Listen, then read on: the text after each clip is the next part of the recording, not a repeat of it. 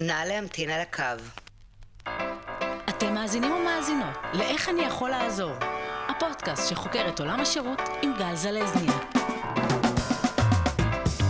בטוב, טוב, טוב, טוב, טוב. נא להמתין בבקשה.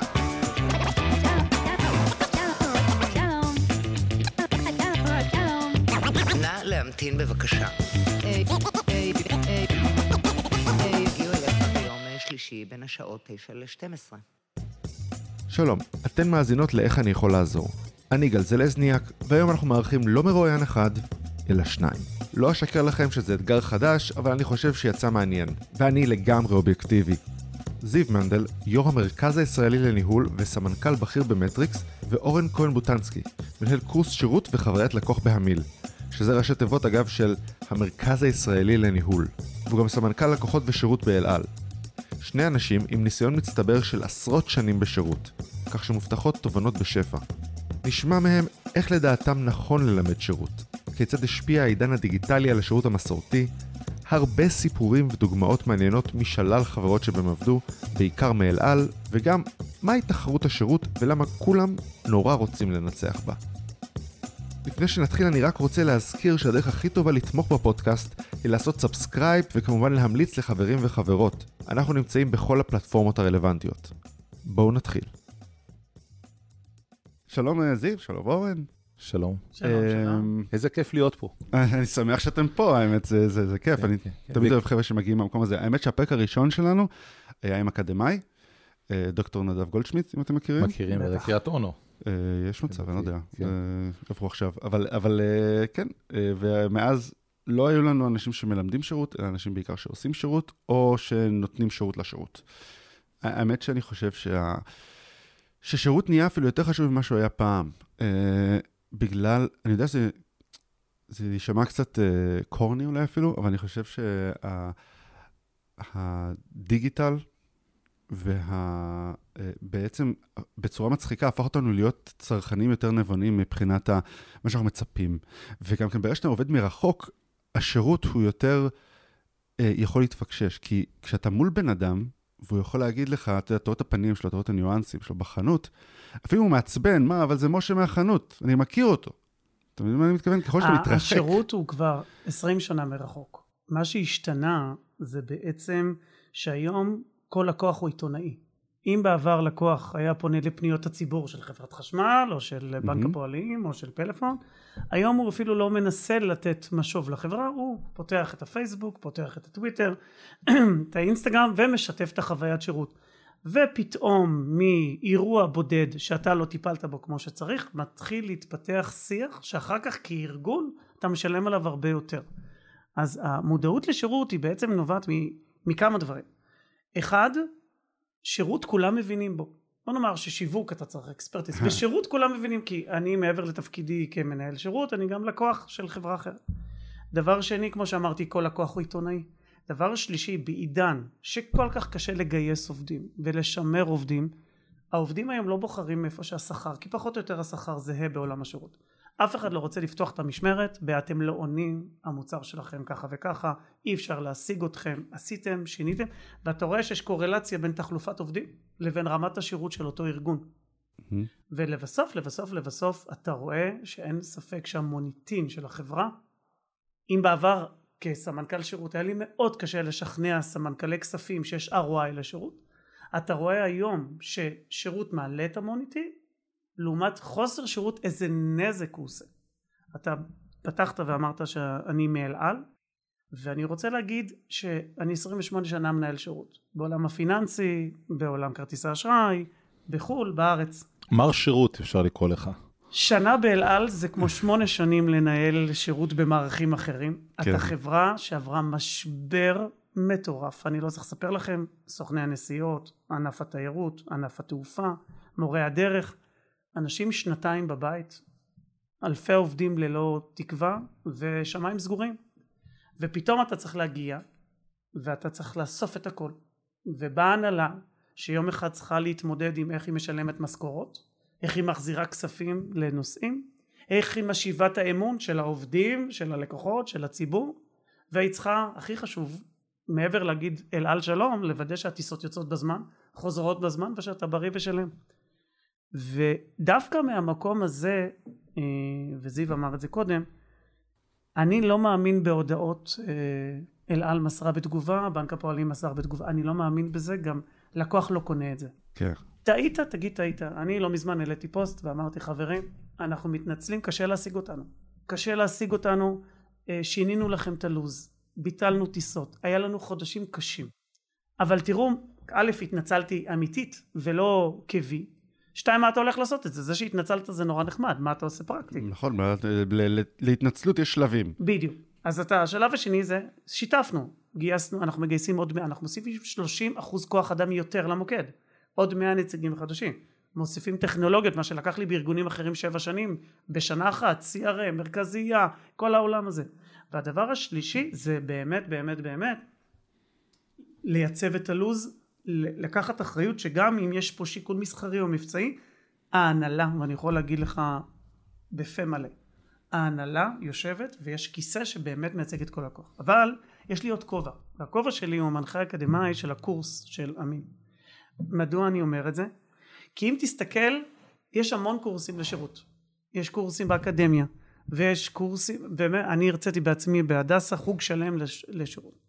אבל עם כל הכבוד, ויסלחו לי אקדמיה, לשמוע סמנכ"לית שירות, או סמנכ"ל שירות, או מנהל או מנהלת, שמתמודדים עם נטישת עובדים, עם זמני המתנה, עם טכנולוגיות מורכבות, עם שיח אלים ברשתות, ו, ופתאום לדעת להתמודד עם זה, אז אם תסתכל בקורס שלנו, זה אנשים שבאים למנהלי שירות ואומרים להם, קודם כל אתם לא לבד, אתם לא לבד.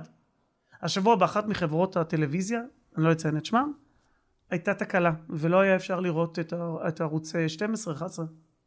כתבתי לקולגה שלי שם, אני יודע מה עובר עלייך עכשיו, את לא לבד, תנשמי אוויר, ו- ו- ו- וביחד. רק תשימו הודעה ללקוחות שהם ידעו על מה מדובר, והם לא סתם יציפו אתכם. ואני חושב של להיות מדויק, שקוף, אותנטי, להכיל, להתנצל ולתת מענה, אז אתה תופתע. הלקוחות שלנו, לי הרבה יותר קל להתמודד, אתה יודע, יש את העולם ה-NPS, העולם של ממליץ משמיץ, לקוחות ממליצים, משמיצים. אני יותר קל לי להתמודד עם לקוחות בקצוות, שהם משמיצים אותי וממליצים עליי, מאשר עם לקוחות אדישים אליי. כי גם המשמיץ יש לו רגש, שהוא כועס, אתה יודע, אל על 30% מישראל טסים בה, 30%, אבל 100% מישראל יש לה מה להגיד על אל על. אני רוצה לקחת כמה דברים ממה שאמרת וגם כמה דברים ממה שאתה אמרת. קודם כל, אני חושב ששירות, בניגוד לזה שכולנו חושבים שאנחנו יכולים להיות, שאנחנו מבינים שירות, כמו שכולנו חושבים שאנחנו יכולים להיות מאמני כדורגל וכדורסל, כי זה נראה לנו מאוד טריוויאלי, זה מקצוע. זה משהו שצריך ללמוד אותו, זה משהו שצריך לקבל הרבה מאוד ניסיון, וזה משהו שהוא בכלל בכלל לא פשוט והוא מאוד מאוד מורכב. ואני מסכים איתך כמובן שהפרקטיקה המעשית שאתה והקולגות שלך מביאים, למשל בקורס של המיל, זה דבר שהוא מאוד מאוד מאוד חשוב. צריך להבין, כש... ועכשיו אני רוצה, זה לגבי הנושא של הפרקטיקה. לגבי ההערה שלך מקודם, לגבי הנושא של הדיגיטל והטכנולוגיה, אני רוצה להגיד לך כמה דברים שהם סותרים את עצמם. לכאורה הטכנולוגיה, אה, מר, מר, אה, ואני תכף אתן דוגמאות, לכ- תשתדל לכאורה, לדבר לתוך המיקרופון. כן, לכאורה טכנולוגיה אה, מרחיקה אותנו כאילו מהלקוח, אבל בפועל היא מקרבת אותנו. אתה יודע, זה כמו שזה נורא מצחיק, לפני עידן הזום, אז ישבנו כולנו באותו משרד, אבל עכשיו בעצם בעידן הזום, שזה כאילו מרחוק יותר, אנחנו חושבים כל אחד בבית של השני ורואים בדיוק איפה הוא חי ומה הסביבה שלו. ומסתכלים בעיניים גם. ומסתכלים בעיניים. ואני חושב שגם פה, בנושא של הדיגיטל, זה משהו שהוא מאוד אה, מאוד מאוד מטעה. כי דווקא בדיגיטל אתה צריך לתת את השירות היותר אישי, ואתה יכול הרבה פעמים לתת את השירות היותר פרסונלי. כל הטכנולוגיות, אני איש טכנולוגיה גם, וכל הטכנולוגיות של ה-AI וכדומה, אנחנו מהר מאוד נהיה מסוגלים לדעת דברים שאתה לא יודע על עצמך ברמה של הנושא של השירות, אנחנו עדיין לא שם.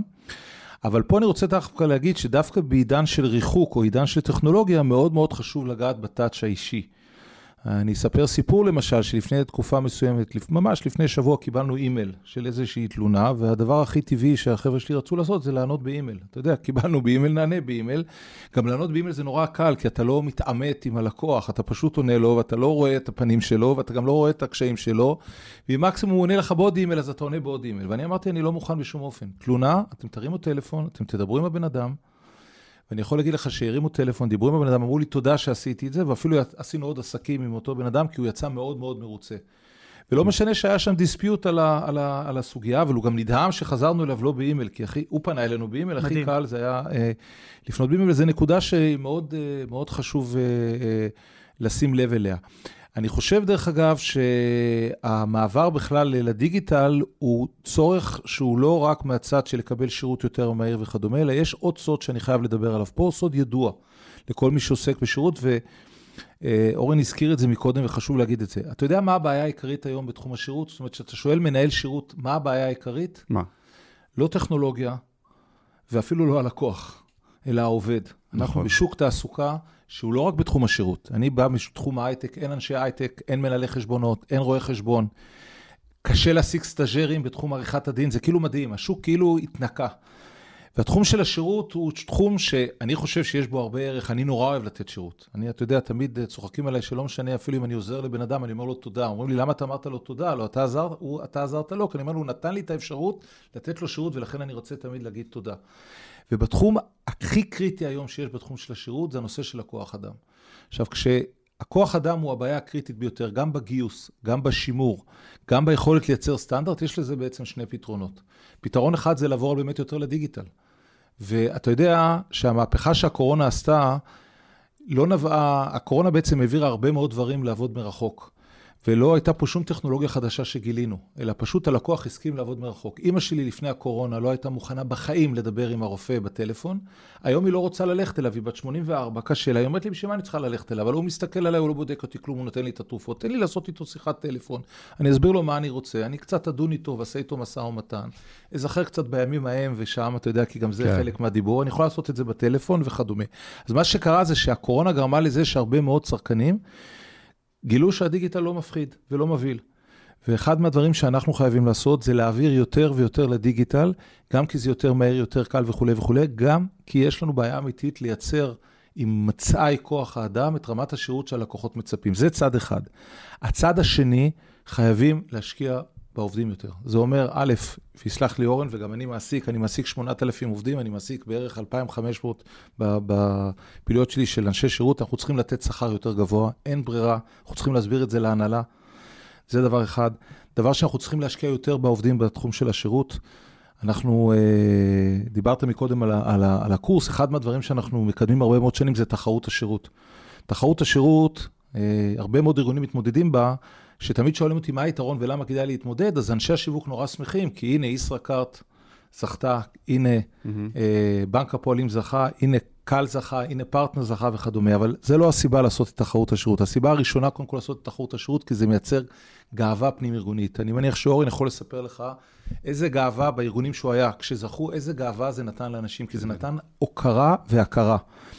והנושא הזה של העובדים הוא נושא היום בליבת האתגר של מנהלי השירות. איך אנחנו מגייסים את האנשים הטובים, איך אנחנו אה, גורמים להם לתת שירות טוב, ופה אני רוצה לתת מושג נוסף.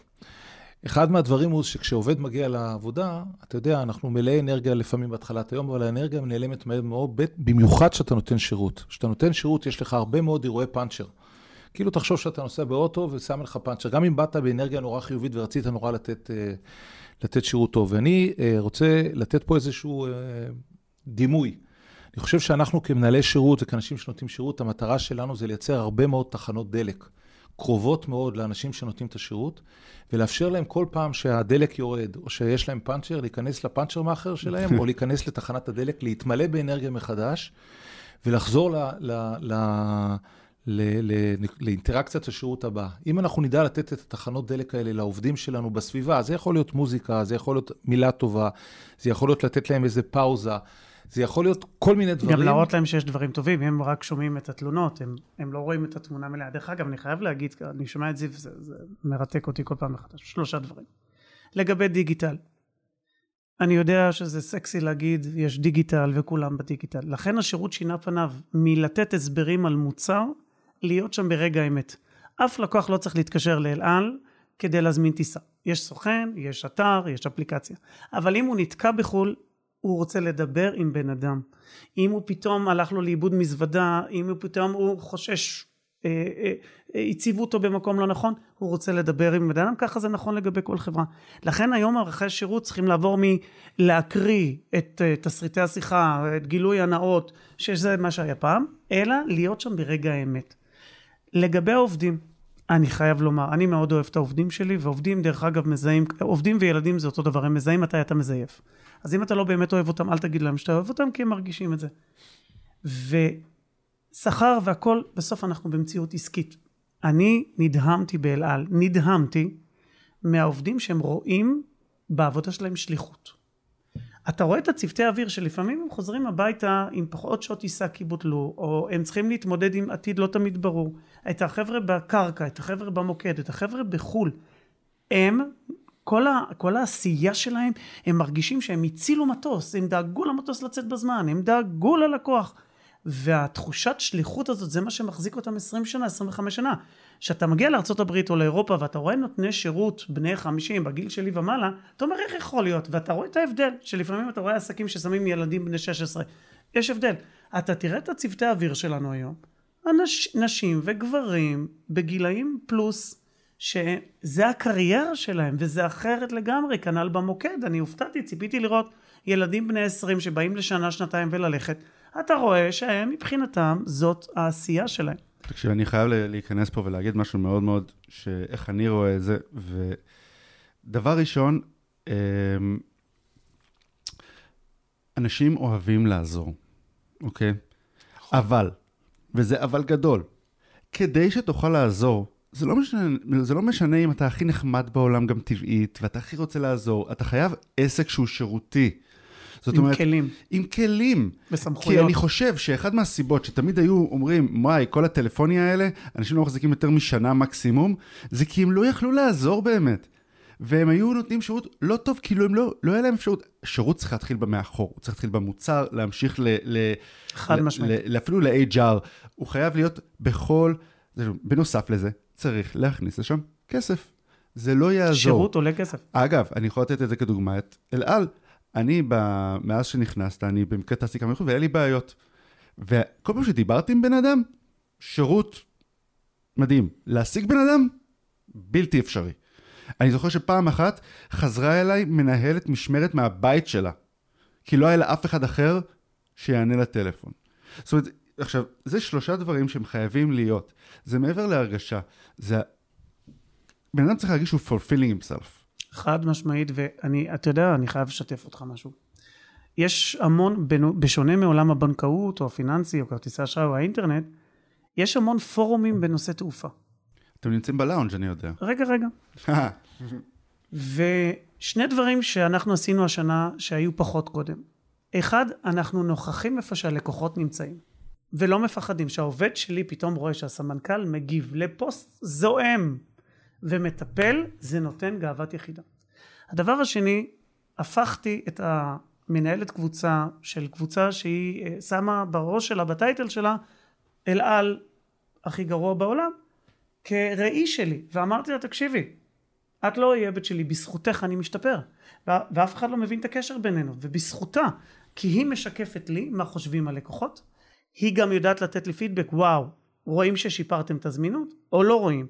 רואים שאתם יותר שקופים או פחות רואים, רואים שהחזרתם כסף ללקוחות או לא רואים, וזה שומר עליך, זאת אומרת, אתה צודק, נציג או נציגה או איש שירות, צריך שיהיה לו את הסמכויות, צריך גיבוי, לא להשאיר אותו בחזית ולברוח. דרך אגב, דוגמה המהותית ביותר זה שסמנכ"ל השירות או סמנכ"לית השירות מפרסם את המייל שלו לתקשורת.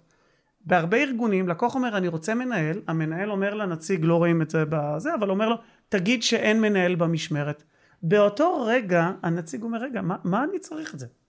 אבל אם אתה בא ואומר לנציג הכל בסדר, לקוח אומר אני רוצה לדבר עם סמנכ"ל שירות, תן לו את המייל של סמנכ"ל שירות וסמנכ"ל השירות חוזר לכל הלקוחות. הנציג אומר וואו אני לא לבד בחזית וזה מה שמחזיק אותו. בכלל שירות זה לא בולם זעזועים וזה לא גם מקום שאתה שמת בשביל ש... הצרות יתרכזו שם ולא יגיעו למקום אחר. אין ספק שכדי לייצר שירות אתה צריך שכל שרשרת הערך תהיה מוכוונת. ושכולם ייתנו קודם כל את השירות למישהו החלון ראווה של, החלון ראווה של הארגון.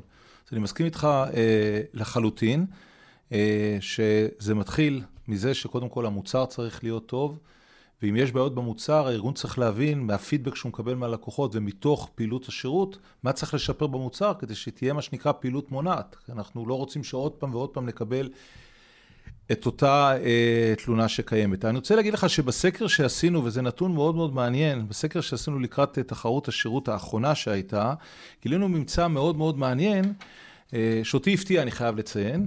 קודם כל, יש הבדל בין נשים וגברים ברמת ה... ברמת ה...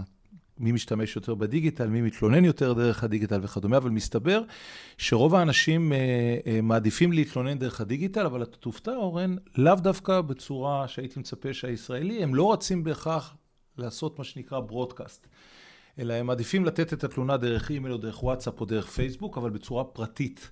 ולא בצורה ציבורית. כלומר, הלקוח הישראלי הוא אפילו לקוח די מנומס יחסית, כמה שזה נשמע, אנחנו נוטים הרבה פעמים להיות מאוד אגרסיביים על עצמנו. אה, אה, וזה נקודה שהיא, אה, אני חייב לציין שהיא מאוד הפתיעה אותי בנושא של, ה, של הסקר. למרות שעוד פעם, אנחנו כולנו חווים, וכולנו פה בעסקים, אפילו אתה, יש לך עסק שנותן שירות וכדומה. אתה פעם פרסמת את העסק שלך בפודקאסט הזה? כולם יודעים שהם יכולים... הם, הם יודעים שאני... זה, כן. זה רשום, זה כן, רשום, כן, דיברתי על כן, זה, אני נותן כן, הרבה פעמים כן, דוגמאות. כן. תקשיב, אני, אני, אני רוצה להגיד שאני לא מופתע מהסקר הזה. אם יש משהו אחד שאני למדתי במהלך העבודה שלי וגם במהלך הפודקאסט הזה, זה שהבעיה העיקרית זה חוסר אמון בין נותני השירות ללקוחות. שניהם הרבה יותר בסדר ממה שהצד השני מוכן לתת לו קרדיט. וזה אחת הסיבות שיש בלאגנים. מההתחלה נותני השירות בטוחים שמנסים לדפוק אותם, ומההתחלה בטוחים הלקוחות שמנסים לדפוק אותם. אני רוצה רגע להגיד על זה שני דברים. אני אמרתי לצוותים שלנו, 99% מהאוכלוסייה היא בסדר גמור. היא אמינה, היא לא מחפשת לעקוף. יש אחוז בכל מקום, בכל חברה, שמנסה לתחמן את המערכת. בשביל זה בביטוח לאומי שמים uh, מעקבים, ובשביל זה בבנקים בודקים זה, ובשביל זה באל על מתחילים לבדוק מדיניות. בואו נשחרר, בואו ניקח בחשבון ששניים, שלושה אחוז עובדים על המערכת. בואו נאמין ל-95 אחרים, אחוז אחרים. זיו התחיל לדבר על תחרות השירות ועברנו מהר, אבל תחרות השירות זה לא רק להגיע לקבל פרס או להיות מקום שני ואחרי ממש לא, צודק. תחרות השירות זה אומר, ויש שם קטגוריות, אחת הקטגוריות המשמעותית ביותר זה שירות כערך אסטרטגי מוביל.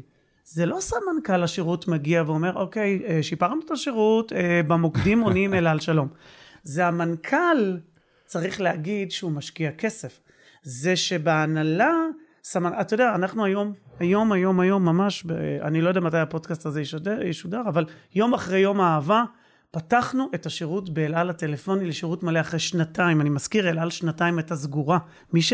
מי שלא מהתחום לא יכול להבין את זה. ענינו עד עכשיו בוואטסאפ ובקו חירום ו- וממש ניסינו אה, אה, לתת מענה ובצורה פחות טובה. היום לראשונה פתחנו את, ה- את השירות ללקוחות. איזה כיף. מזל טוב, מזל טוב ממש. מי הגיע לפתיחה? סמנכ"ל תחזוקה.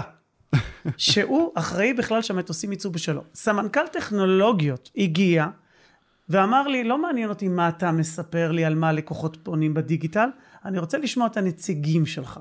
הוא כינס נציגי תמיכה שעונים לתמיכה באתר, והם אמרו לו, תקשיב, הלקוחות לא ברור להם האזור האישי, הלקוחות מצפים ככה. אז נכון, כי מצד אחד, הנתונים הסטטיסטיים, היום רוב המכירות הם על ידי הדיגיטל ואצל הסוכנים, אבל יש לקוחות שלא מצליחים דרך הדיגיטל, והם שיתפו אותו. עכשיו, אני לא הייתי צריך להגיד מילה. שה... וסמנכ"לית משאבי אנוש, שאמרה לצוות שלה, תעזבו את הכל, קודם כל מתעסקים בלגייס אנשי שירות. עכשיו, שפתאום שאתה רואה שכל ההנהלה מדברת שירות, שהמנכ"ל אומר ומתעדף, יש תהליך של פרויקטים. תאמין לי שסמנכ"לית המסחר, שותפה מדהימה, וסמנכ"ל הכספים, ומנהל המועדון, כולם רוצים לקדם דברים. המנכ"ל אומר, קודם כל, כל שקל שמתפנה באל על, ובאל על ששקל מתפנה זה מאוד קשה, קודם כל משקיעים בלקוח. שזה האמרה, זה מדהים, שהבעלים מגיע ואומר, אומר את זה באנגלית רהוטה ובעברית רהוטה, אומר שהוא מגיע לביקורים. חברים, אנחנו קודם כל חברת שירות שמעניקה תעופה, וזה יורד עד ראשון העובדים, אז המסר ברור. אבל אני רוצה עוד פעם להדגיש שכשאני מדבר, לי יש בערך סדר גודל של 8,000 עובדים, 8,500 עובדים, בחברות השונות שאני מנהל. אני אומר שאני נותן שירות לבעלי המניות, אני רוצה להרוויח, אבל נותן שירות ללקוחות. אבל אני נותן גם שירות לעובדים. נכון. והשירות לעובדים הוא מאוד מאוד חשוב. אנחנו בעידן שאם אתה נותן שירות לעובדים, הם ייתנו שירות טוב ללקוחות, וזה ייתן שירות טוב לבעלי המניות. ואני נותן גם שירות לקהילה. אנחנו כל הזמן מחפשים לראות ערך במה שאנחנו עושים. אני אקח אפילו את הדבר הכי טכני שאתה אומר לי, מה, איזה שירות אתה נותן. חברת כרטיסי אשראי. חברת כרטיסי אשראי מאפשרת לי לשלם בכל מקום בעולם. זה נראה לך היום כאילו נורא נורא טבעי, אבל בעבר אתה היית יכול להיתקע בלי כסף, ומה היית עושה? והיום בעזרת, אה, בעזרת חברת כרטיסי אשראי אני יכול לעשות את זה. כלומר, בכל עסק צריך למצוא מה הערך שאתה מייצר לקהילה ולסביבה. אה, ו- ו- ולהטמיע אותו בתוך הדיאלוג עם העובדים, כי העובדים רוצים להרגיש שהם עושים משהו שהוא טוב, משהו שהוא טוב לאנשים, משהו שהוא נפלא. כמובן, הם צריכים להתמודד גם, אני אומר עוד פעם, עם תלונות, אנחנו לא ב... ב- בעולם תיאורטי. המקום היחידי... זיו אמר שליחות, אתה יודע, היינו צריכים עכשיו מעכשיו, אל על התייצבה לחלץ אה, אוקראינים, ישראלים שנמצאים באוקראינה. ולא היו טיסות, והיה צריך לארגן מעכשיו לעכשיו, סמנכ"לית המסחר סגרה טיסות, הוצאנו הודעה. העובדים לא שאלו שאלות, לא שאלו שאלות, ארגנו מהר צוותים, ארגנו כדי לחלץ, והתחושה היא, אל על חילצה ישראלים. עכשיו, לא בהכרח תמיד הציבור זוכר את זה, הציבור באותו רגע אומר איזה יופי, יומיים אחרי זה הוא שוכח. העובד אומר, אני לא עוד בן אדם שהוציא טיסה, אלא אני חילצתי יהודי, חילצתי ישראלי. בוא, כן. בוא נעשה הפסקה. בוא תספר רק שנייה על המיל, איך הכל התחיל ואיך אנחנו בעצם נמצאים שאנחנו היום. תראה, המיל קודם כל זה אחד מחברות מרכזי ההדרכה והלמידה הכי ותיקים במדינת ישראל, מעל ל-60 שנה. אה, הוקם בעבר בכלל כעמותה, שבאה בעצם לקדם את אה, תרבות הניהול, השירות והמכירות והתרבות העסקית במדינת ישראל. בתוך המיל, אחד מהמיזמים, אני חושב, שמחזיק הכי הרבה זמן ובאמת מייצר אה, אור גדול, זה, זה תחרות השירות. זה לא, אני, לא לי הקרדיט, אני הצטרפתי יותר מאוחר, אבל בשלב מסוים אה, מספר אנשים החליטו שצריך לייצר תחרות שירות, כשהמטרה של התחרות השירות, תחרות השירות לא שייכת למיל. תחרות השירות שייכת לקהילת העסקים, לקהילת הארגונים. דרך אגב, זה לא רק לעסקים, זה גם יכול להיות למשרדי ממשלה ועיריות וכדומה. כשהרעיון היה לייצר מצב שיעודד ארגונים להעלות את החשיבות של השירות. אבל אולי, אורן, תספר אתה איזה, איזה, איזה אימפקט מייצרת התחרות בתור מישהו שבאמת השתתף כ, כ, כמשתתף. אז מבחינתי... הרי השתתפת באיזה חברה? אז זהו, אני אשתף. מבחינתי, קודם כל, המרכז הישראלי לניהול זה האוסקר של השירות. אה, יש המון פרסים סקסיים של קקטוס ושל אפי ושל המון, כי שיווק, אין מה לעשות, זה, זה הפנים של החברה. השירות נזכרים בהם שיש תקלות. וההשתתפות בתחרות השירות היא לא פרס החוצה, היא פרס לעובדים. אתם. אני השנה הולך לגשת כבר בפעם השישית, אני אה, ליוויתי את ישראכרט ארבע פעמים וזכינו, וליוויתי את בנק הפועלים וזכינו, ועכשיו אנחנו ניגשים אל על. עכשיו תבוא ותגיד, איך אתם ניגשים עם אל על? היו תלונות, אתם ביטלתם טיסה. מצד שני, אני רוצה לראות עוד ארגון שקם ממשבר עמוק, והרים את עצמו, וחזר למסלול, ועדיין תוך כדי תנועה משפר את השירות. והמהלך הזה זה להגיד לצוותים, תקשיבו, בואו, זה לכם.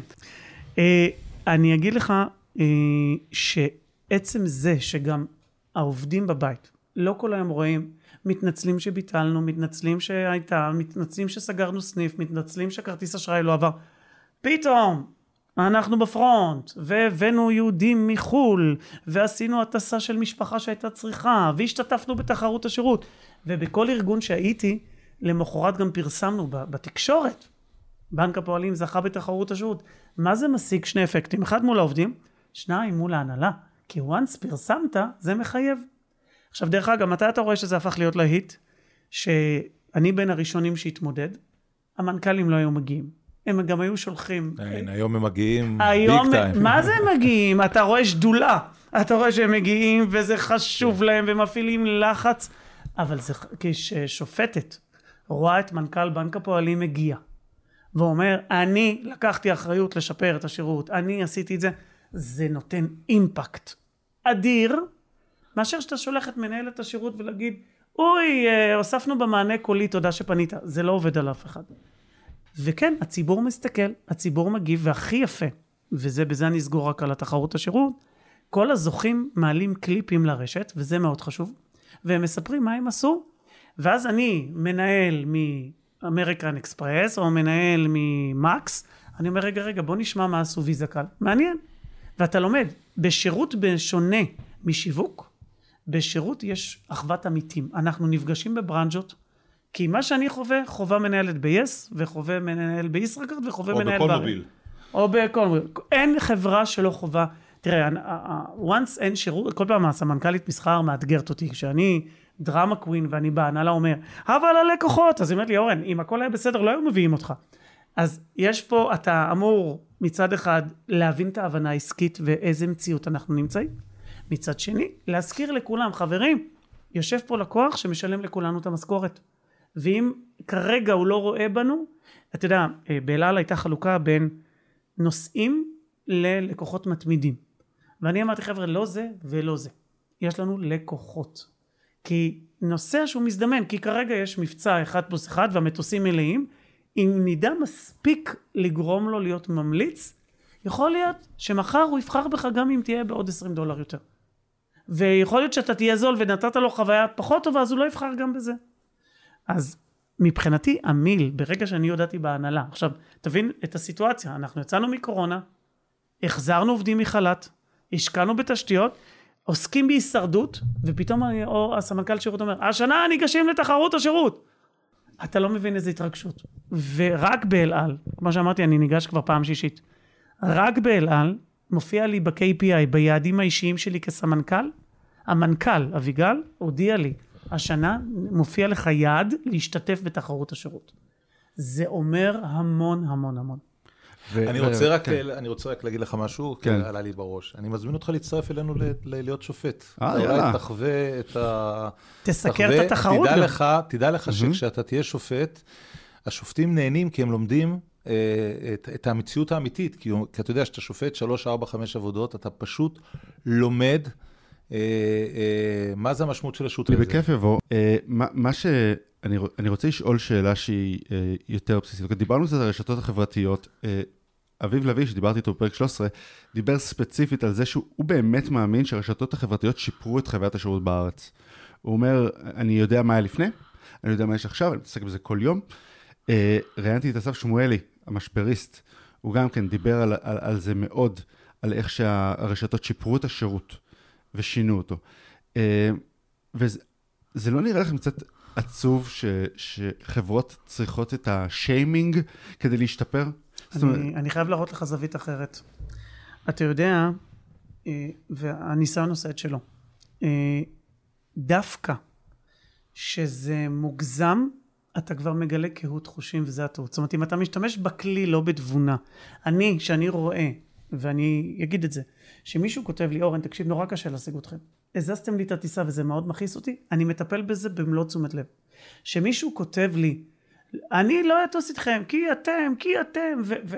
לא צריך, הכל בסדר. אני, אני, זה אחרת. אני, שאני אני רואה בכל תלונה הזדמנות. הרשת, הרשתות החברתיות לא שיפרו את השירות. רשתות חברתיות נתנו לח, לחברות הזדמנות להגיע לפורומים נוספים שלקוחות נמצאים. כי עד היום היה לך שיבר, שנקרא IVR, אה, מרכזייה, ששם היית צריך לעבור בנתיב. בבנק היו לך סניפים. אז יהיה לך טלפון, סניף. זה המקום שאתה יכלת לפגוש את הלקוחות שלך. ואני אגלה לך סוד, בסוף בסוף כל הארגונים משרתים 20% מהלקוחות. 80% אתה לא יודע עליהם, הם במ- במרחבים הדיגיטליים. מה עשתה הרשת החברתית? פתחה אותך לעוד קהלים שאמרו, טוב, ניסיתי להשיג, לא תפסתי, ופתאום הוא יכול להגיע לך בעוד ערוץ. עכשיו, אפרופו, לגייס עובדים ולשמר עובדים, אחד הדברים הטובים שעשה הרשת החברתית, אתה היום יכול לגייס אוכלוסייה שהיא פחות, היא לא, ששאלת אותו בגן, אה, האם אתה תרצה להיות, מה תרצה להיות, תהיה גדול, הוא לא אמר נציג שירות עם אוזנייה. ופתאום כשאתה אומר לו, אתה בתקשורת הכתובה, ואתה עונה ברשתות, ואתה מגיב, והם לומדים איך להתנהל, מבחינתם זו חוויה התגובה מהירה. כן, כן, כן, כן, חברה שתתנהל ממשבר למשבר, היא לא תחזיק מעמד. אני יכול להגיד לך שאני אה, קורא את הסקרים שמגיעים על כל טיסה. קודם כל מפתיע אותי כי אחוז המענה לסקרים הממוצע בחברות הוא נע בין 2.5% ל-10%. באל על 20% מהלקוחות וואו, מגיבים. זה אין, המון. אין לזה אח ורע, מלווה אותנו. אבל רגע, רגע, בוא, בוא, בוא נהיה רגע, רגע, רגע, בוא נהיה כן. בוא נהיה גם בזה. בדרך כלל, עונים על סקרים, זה או נורא כועסים או נורא אז, שמחים. את- אז אתה תתפלא. אז זהו, זה- אני יש ידעתי- הרבה אמצע, זאת השאלה. אז אני לא סטטיסטיקאי, אני קורא ואני אני אגיד לך מה אני מסתכל. אחד, המלל. אני לא ראיתי, אתה יודע, רוב החברות יש סמיילי. כן. מחייך, פחות מחייך, ואחלה, וזה נחמד. הלקוחות משקיעים, זה כל לקוח חמישי. כל לקוח חמישי. זה ב- המון. זה המון. עכשיו, הם בודקים אותנו. עכשיו, אני בהתחלה חשבתי שיש יותר מדי abuse, כי אני שלחתי לזיו בהלוך, אני לא אשלח לו גם בחזור. קיבלתי תלונות, למה אתם לא רוצים לדעת מה אני חושב בחזרה? והם אומרים לנו, הזית שהעליתם טעים, העוף פחות, אה, מה קורה עם היין? אני המום. זאת אומרת, אני משלב פה שירות במלון, עם שירות אה, טלפוני, עם שירות בקרקע וקורונה. אז מה שרציתי להגיד לגבי הסקרים, שלמדתי גם את הפרופורציות, כי בסוף יש שלושה אחוז שלא אהבו את התפריט החדש. ואתה כל הזמן שומע את השלושה אחוז ברשתון, אתה הולך לשנות תפריט שלם ש-97 אחוז אמרו שהוא תפריט על הכיפאק. לעומת זאת רצינו לשנות תפ... תפריט יינות, אני לא מבין כל כך ביינות, אני שתיתי זיפ עד לא מזמן, ופתאום התגובות ברשת על היינות, אמרנו רגע, יש פה אירוע, החזרנו את התפריט ועוד העשרנו אותו. זאת אומרת, הרשת החברתית יש לה אפקט אחד טוב, מנגישה אותי לעוד לקוחות. האפקט הרע, כי אתה רואה היום להיות איש ציבור באמת, אני לא מאחל את זה לאף אחד, השיח והטוקבקים והרוע, אתה כבר נהיה אדיש, אתה שומע, אין ראיון עם סלב שאתה שואל אותו, אתה אומר לו, אתה קורא טוקבקים? הוא אומר, אם אני רוצה לעשות לעצמי טוב, אני כבר לא קורא טוקבקים. אני רוצה להתייחס, אני קודם כל חושב שעובדתית זה נכון. אני חושב שהרשתות החברתיות שיפרו לנו את השירות. דרך אגב, הם שיפרו את השירות גם בעיני הלקוח. אתה יודע, אה, בוא ניקח מסעדה, שפעם לא היינו רואים את המטבח והיום אנחנו רואים את המטבח. יכול להיות שהיא עבדה גם לפני כן טוב, אבל זה שהלקוח פתאום רואה את המטבח, זה מייצר לו הרגשה יותר טובה והוא חושב שהוא מקבל שירות יותר טוב, למרות שהוא קיבל אוכל טעים גם לפני כן. אני גם חושב שהסיבה שהרשתות החברתיות אה, יצרו שיפור של השירות, זה לא בגלל שהם יכולים לצעוק, בסדר? אה, זה אפקט אחד, אלא כמו שאמר אורן, הסיבה העיקרית זה שפתאום נוצר לנו access לכמות מאוד מאוד גדולה של לקוחות. ותזכור שכמו שאמר אורן, קצת בהתחלה של, ה, של הפודקאסט, הוא אמר, אין לי בעיה עם אלה שמאוד מרוצים ועם האלה שמאוד לא מרוצים, כי אליהם אני מגיע. הבעיה שלי זה דווקא המרכז, ופתאום הרשתות החברתיות פתחו אותנו גם לאקסס לאלה שאתה יודע, שלפני זה לא היה לי בכלל יכולת לדעת אם הם מרוצים, לא מרוצים וכדומה, כי אני לא רוצה לתת שירות בינוני, אני רוצה להעביר את האלה שהם בשירות הבינוני לשירות מצוין, כי שירות בינוני משאיר אותי אחר כך בתחרות על מחיר. כי כאן קיבלתי, לא היה שום דבר מיוחד, אז אני יכול גם ללכת למקום אחר. אני רוצה להביא את הבינוני למצוין. ופתאום העובדה שאנחנו יכולים בעזרת הרשתות החברתיות לקבל בצורה הרבה הרבה יותר טובה את הפידבק האמיתי של הלקוח, גם שקצת כואב להם, לא מאוד כואב להם. כי לפני זה באמת, כדי להתלונן היית צריך מאמץ מאוד גדול. בוא, בוא רגע, אמ, היום, אה, האמת שדיברתי על זה בפרק שעבר. בזמן האחרון יש אה, תואר חדש, Customer Experience, חוויית הלקוח.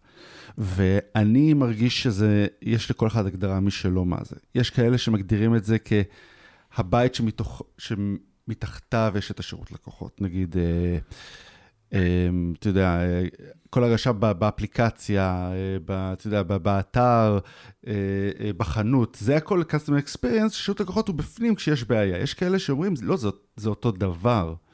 כאילו מבחינתנו, השירות הוא לא רק לפ- לפתור את הבעיה, אלא לתת חוויה יותר טובה גם ליום-יום. שזה קצת דומה למה שאתה אמרת, שכשאתה בעצם הרמת טלפון למייל, אתה בעצם, בעצם נתת לו פתרון לעוד משהו, עשית עוד, כאילו, שזה דרך אני להגיד את חייב להגיד. לך על זה, סליחה. Customer Experience זה מבחינתי תרבות ארגונית, זה הקוד הלא כתוב, זה לא מחלקה או בן אדם.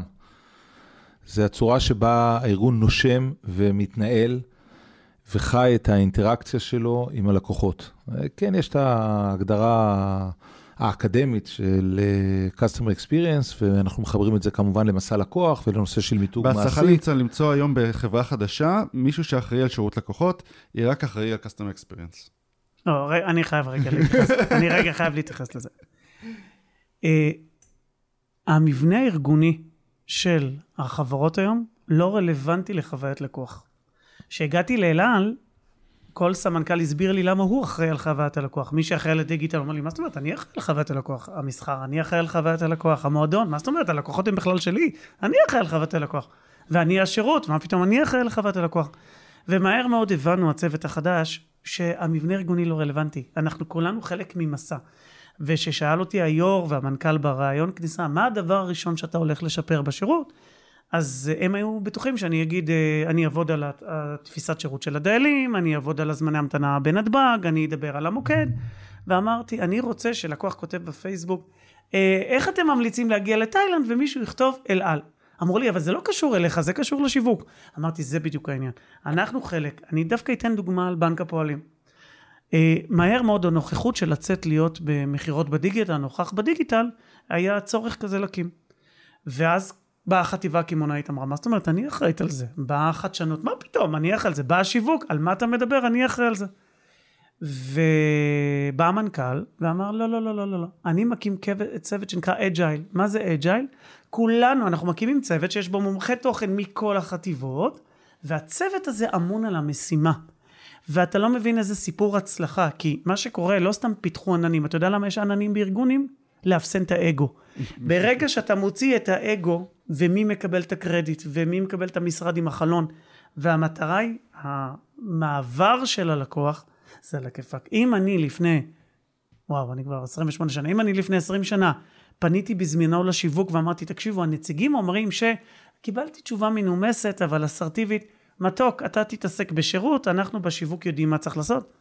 היום השיווק, המסחר, לא יעז לצאת עם מבצע, קמפיין, לפני שהוא מדבר עם השירות, לפני שהוא מדבר עם הדיגיטל, לפני שהוא מדבר עם הטכנולוגיה. זאת חוויית לקוח. אה, אם בעבר אנחנו היינו מציגים סקרים, אז כל עוד התוצאות של הסקרים היו מעולות, כולם היו מסתכלים, מעולה, איזה יופי, שאתה פתאום בא ומראה בעיה, אז כל אחד בא ו... הש... כולם הופכים להיות מן הצמח, והסטיית תקן לא ברורה, המדגם לא ברור. אין דבר כזה. היום כל הלקוח זה פורום שכל ההנהלות מציגות, כולם מחויבים לו, והמפתח זה שלכל חברי ההנהלה זה מופיע ביעדים האישיים.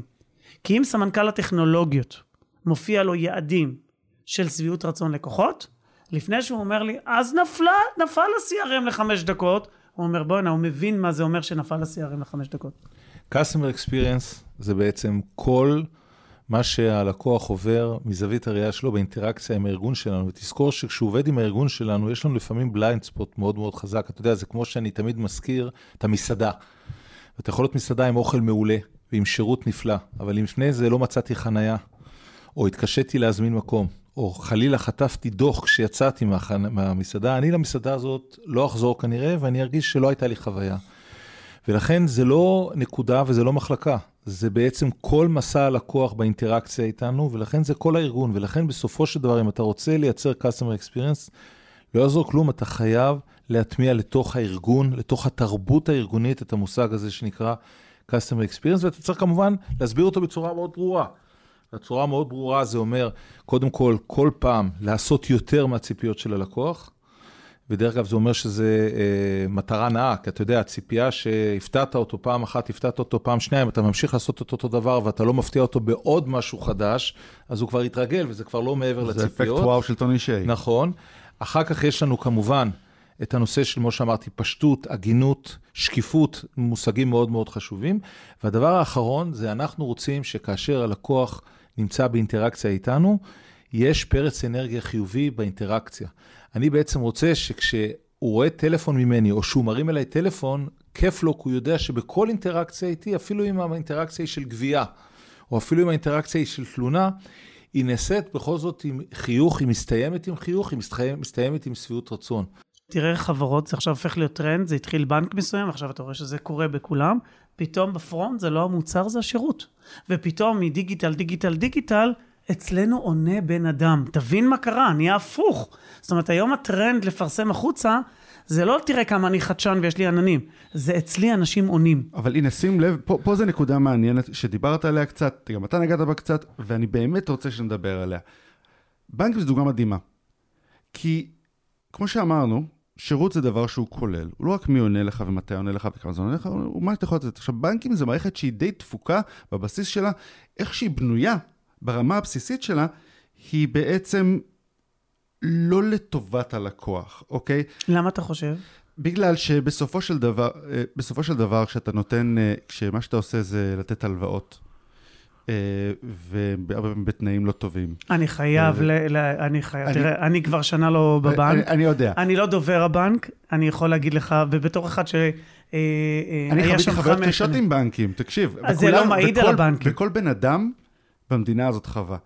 עכשיו, אני, אני באמת, ואני חושב שהסיבה שהם עברו מזה לזה לזה, כי יש שם בעיה בסיסית, ואני לא רוצה לדבר על הבנקים אז קודם כל ספציפית. תופתע, לא עוברים מזה לזה לזה, אין כמעט ניידות בין הבנקים. אז בוא, אני אתן לך זו, קצת... זו בעיה כשלעצמה. לא, אז בוא אני אפריח כמה עובדות, בסדר? ואני לא, אין לי תגמולים מהבנק, אני גמרתי אה, עם הבנק, בסדר?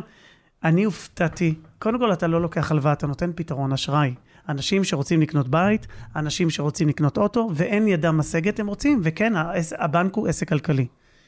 אה, דבר שני, אתה גם במסגרת הזאת, נכון, הבנק כפוף לרגולציה, דרך אגב, רגולציה שירותית מאוד מחייבת של פיקוח הבנקים, מאוד מחייבת. שהם נוטים להשתמש בה כדי לא לעשות דברים שהם לא רוצים, כמו פקסים, עד עכשיו. אני אגיד לך, אני אפתיע אותך, שאנשים שואלים אותי, אורן, איך יכול להיות ב-22 אתה דורש פקס? אבל אחר כך שהמטפל עושה עוקץ לקשיש שהוא מלווה, והוא מזדהה בשמו, אז באים בטענות לבנק, איך לא ביקשת חתימה שלי? ועכשיו, או איך לא וידית, תראה עד היום מה קורה עם כל הפריצות שהיו לאתרי היכרויות וכו' וכו'. אם יש היום מערכת מאובטחת זה בעולם הפיננסי. אני לא אומר שהבנקים לא צריכים להשתפר, הבנקים צריכים להשתפר. אבל יש לך אוכלוסייה שנוהרת לדיגיטל, יש לך עדיין אוכלוסייה שרוצה להגיע ולראות בעין את הפקיד, וכן, עוברים דרך היא, עובדה היא, ואתה רואה את הקמפיינים. אני, אז אני, אני, אני מן הסתם לא רציתי להיכנס, א', הידע שלי הוא לא גבוה כמו שלך, למרות שאם אתה רוצה, אתה יכול לשמוע את הפרק עם ליבי גלעד על הבנק הדיגיטלי הראשון, מאוד מעניין. אמ, אבל הנקודה שלי היא כזאת, מתי אני מתעצבן על עסק ועל נותן השירות, אוקיי? אם זה קורה עוד פעם, ועוד פעם, נכון. ועוד פעם. זה למלא את הבנקים, כי זה בדרך כלל קורה עוד פעם ועוד פעם ועוד פעם, ו... אבל אז שוב פעם, לא רוצה להיכנס, לא רוצה, אם אני רוצה שאני לא מספיק מבין בהם, אבל, אבל, אבל דיברנו על זה שזה הכל הוליסטי, והרעיון זה לדעת איך אנחנו בעצם מעבירים מידע. העברת מידע היא נורא חשובה, כמו שאמרת, אתה, אתה, נכון שאתה יכול לענות ואתה תגיד, סליחה, מה שאני עושה זה שאני מוסיף אה, אנשים שענו לטלפון, אבל זה המחלקה שלך. השאלה זה אם אתה יכול להגיד להם, סליחה, אני אדבר, אני מעביר את המידע למחלקת דיגיטל, שהבאג הזה לא יחזור. חד משמעית. ו- וזה הבדל גדול. אני ראיינתי פה את, אה, את נדב מ- מאלמנטור, ואחד הדברים המעניינים שיש להם שם, זה שיש להם, אה, הם. רואים, הם רואים בטיר 1, טיר 2, טיר 3, טיר 1 זה כמובן החבר'ה שפחות יודעים, טיר 2 זה החבר'ה שממש נמשך, אגב, שזה גם נורא מעניין, הם לוקחים חבר'ה שהתלוננו עליהם, פרילנסרים, והפכו אותם לעובדים. ו tier 3, הם אנליסטים בכלל.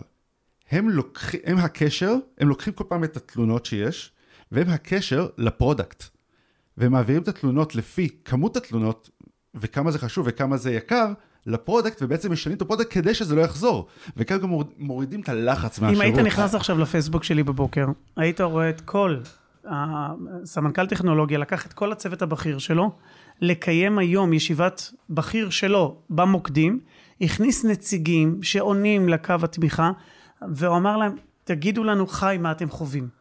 ואתה שומע את הנציגים אומרים באותנטיות, ואז היה פה אפקט אדיר. הנציג אומר, בוא'נה, סמנכ"ל טכנולוגיות, וכל הצוות הבכיר שלו עזבו את הכל להקשיב לי. וכשהוא דיבר עם הלקוח אחר כך, הוא אמר לו, אדוני, זה מצוין שאתה אומר לי, אני, הנה, סמנכ"ל טכנולוגיות פה, אנחנו מעבירים לו מיד את המשוב. זה עושה פידבק מטורף. אבל זה לא, אבל זה לא מערכת. סליחה שאני אומר את זה, זה לא מערכת. לא, אבל אני חושב, ש... אני חושב שהיום אה, בהרבה מאוד ארגונים, ההגדרה של המוצר והמרקטינג, וזה מה שאורן ניסה להגיד מקודם, מחוברת מאוד מאוד. ככה זה צריך להיות, אבל איך נכון, עושים נכון. את זה? עושים את זה, תראה, יש כל מיני כלים. אני קודם אמרתי על אלמנטור, שחשבתי שאתה הולך להגיד לי על שיטת הכפתור. היום אתה יודע, בהרבה מאוד ממערכי השירות, יש לך את האפשרות לנציג שירות ללחוץ על כפתור, לדווח, וזה זורם באופן מיידי למי שצריך לזרום באיזשהו workflow כזה או אחר לארגון, לזה שמגדיר את המוצרים. תראה, בכלל, אנחנו היום, אה, אנחנו היום בעידה, הזכרת customer אה, experience, יש את הנושא של customer success. בכלל, היום אנחנו יותר ויותר מבינים שאנחנו אה, רוצים בהצלחת הלקוח כדי להצליח, שהעסק שלנו יצליח, לכן יש בעצם את התפקיד הזה שנקרא customer, אה, customer success, ויש את התפקיד של מנהל מוצר. היום יש לך בצורה מאוד גדולה, בכל ארגון יש לך מנהלי מוצר, זה לא משנה, זה לא חייב להיות אה, חברת הייטק או, או אה, חברת הייטק, אה, או אפילו לא חברה פיננסית, אני בטוח שגם באלעל יש מנהלי מוצר, כשכל אחד מה...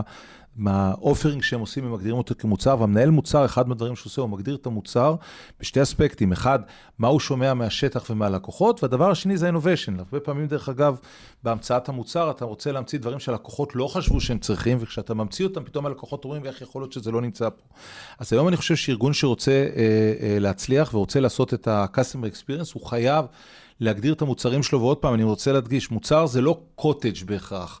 או, או טלוויזיה. מוצר זה יכול להיות שירות, כי הרבה פעמים... משכנתה דיגיטלית. המוצרים, המוצרים כן. הם בעצם עטופים באיזשהו מרכיב מסוים, נגיד הלוואה, אבל מסביבו יש בעצם את כל התהליך, כי בהגדרה של הלוואה למשל, זה יש מה, מה הערבים שאתה צריך, מה הערבויות שאתה צריך לקבל, מה הטפסים שאתה צריך לעשות. בהגדרת המוצר, אתה מגדיר את כל המוצר כולו.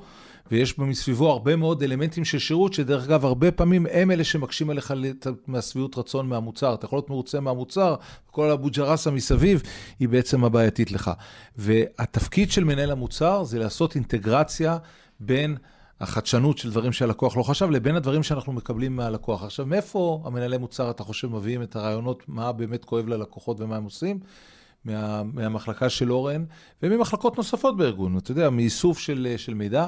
פה גם הטכנולוגיה מאוד עוזרת, כי יש לך את האפשרות לעשות את הכפתור, לאסוף את המידע, יש הרבה מערכות של ניהול ידע שאתה בעצם יכול לאסוף, אתה יכול לעשות לזה אחר כך Machine Learning, Data Analyst, Data Scientist, whatever, כל AI וכדומה, שבאמת מייצר לך הבנה של מה באמת הלקוח רוצה, מה הלקוח בעצם אה, אה, מצפה, ומזה בעצם אתה, אתה מייצר את, ה, את המהפכה של ה-Customer Experience. למה אתה כל כך... אה, הייתי אומר אפילו מכור לנטפליקס. בעתיד יהיה לאמזון פריים ולדיסני, כי הם בדיוק טכנולוגיה שאוספת כל הזמן מידע על הלקוח ועל הרצונות שלו, עצם הזבזוב שלך, או אם אתה נכנס, לא נכנס, כמה זמן, באיזה, באיזה פרק הפסקת וכולי, יצרו הגדרת מוצרה חדשה. אני לא יודע אם חשבת על זה, אם אני לוקח למשל את שוק הטלוויזיה. בעבר עונה הייתה 20 פרקים, 22 פרקים, היום אין עונה יותר מ-10 או 12 פרקים. למה? כי הם הבינו שזה מה שהלקוחות רוצים. עדיף יותר עונות. עם מעט פרקים, מאשר עונה ארוכה ופחות, אה, אה, עונה ארוכה ופחות, אה, ופחות עונות. ה-BBC צדק, ה-BBC צדק כל הזמן. תמיד, באנגלים זה תמיד היה עונות של שישה, שמונה כן, פרקים. כן, אבל האמריקאים היה להם פעם, שמע, 35. אתה מסתכל, אני הסתכלתי עכשיו, התחלתי לראות עם בת זוגתי מחדש, כי היא לא ראתה את ה-blacklist, רשימה... כן, כן. בוא'נה, כל, כל עונה זה 22 פרקים, יאללה, הלאה, בוא. ומתוכם 20 מיותרים. תראה, כן, אני, אני כן. רק אגיד לי ככה לסיכום, כן. אה, שני פורומים מאוד חשובים שקיים בכל ארגון. אחד, כל הלקוח, שבו נמצאים כל הדיסציפלינות, שיווק, כספים, כולם, ומביאים את כל הלקוח, מביאים תמצית הסקרים. פורום שני זה צמצום פניות. אין היום סמנכ"ל שירות או סמנכ"לית שירות שלא נמדד ולא מודד את עצמו ואת הצוות על כמות הפניות שהוא מצמצם. עכשיו, לא מצמצם בזה שסגרתי את הקו, אלא בשביל להבין. כן, ואני לא אתחמק מזה, יש מתח תמידי בין הרצון של השיווק לצאת ראשון, כי לא, אתה לא תמיד יוצא לשוק עם המוצר מושלם, כי עד שאתה תת- תתפור את הכל, בסוף המתחרה יוצא עם מענה. אבל אתה תפקידך מצד אחד לתת מענה לשיווק, אוקיי, תצאו, אני יודע לתת לזה מענה מאחורי הקלעים. מצד שני, וזה היופי בטכנולוגיה דרך אגב, שאתן לך דוגמה פרקטית, ובאמת זה לסיום, במרץ רצינו לצאת עם מבצע אחד פלוס אחד, היה מאוד מורכב ללקוחות, לא היה להם ברור, המוקד קרס מפניות. עשינו הפקת לקחים, עכשיו יצאנו עם מבצע אחד פלוס אחד, כמות הפניות במבצע ירדה 90% והמטוסים מלאים. זאת אומרת, למדנו, הקשבנו, מנהלי המוצר השיגו את אותו אפקט, אחד פלוס אחד. רק במרץ יצאנו מהר מהר מהר, בלי שום סגירת תהליך מאחורה, לעומת עכשיו שהייתה, התעכבנו בחודש, אבל יצאנו כמו שצריך. השירות והחוויית לקוח זה לא נחלת אה, או התפקיד של בן אדם בודד, זה כל הארגון צריך להתעסק בזה, גם ב-customer experience וגם ב-employee experience וגם ב-community experience, אה, ואם אנחנו נעשה את זה, אז אנחנו נהיה עולם יותר טוב, וכולנו נרוויח מזה. תודה רבה לשניכם. תודה רבה. ממש תודה. תודה לזיו מנדל ולאורן כהן בוטנסקי. על ההפקה יש לנו את אלעזר סלוטקי ועל המוזיקה המעולה עידו מימון. אגב, Spotify התחילו לתת למאזינים לדרג פודקאסטים כמו Apple Podcast. אז אם נהניתם מהפרק, אל תשכחו לדרג אותנו באפליקציית הפודקאסטים שלכם, וכמובן לעשות subscribe ולספר לאנשים שאתם חושבים שיכולים להפיק ממנו תועלת. שבוע טוב.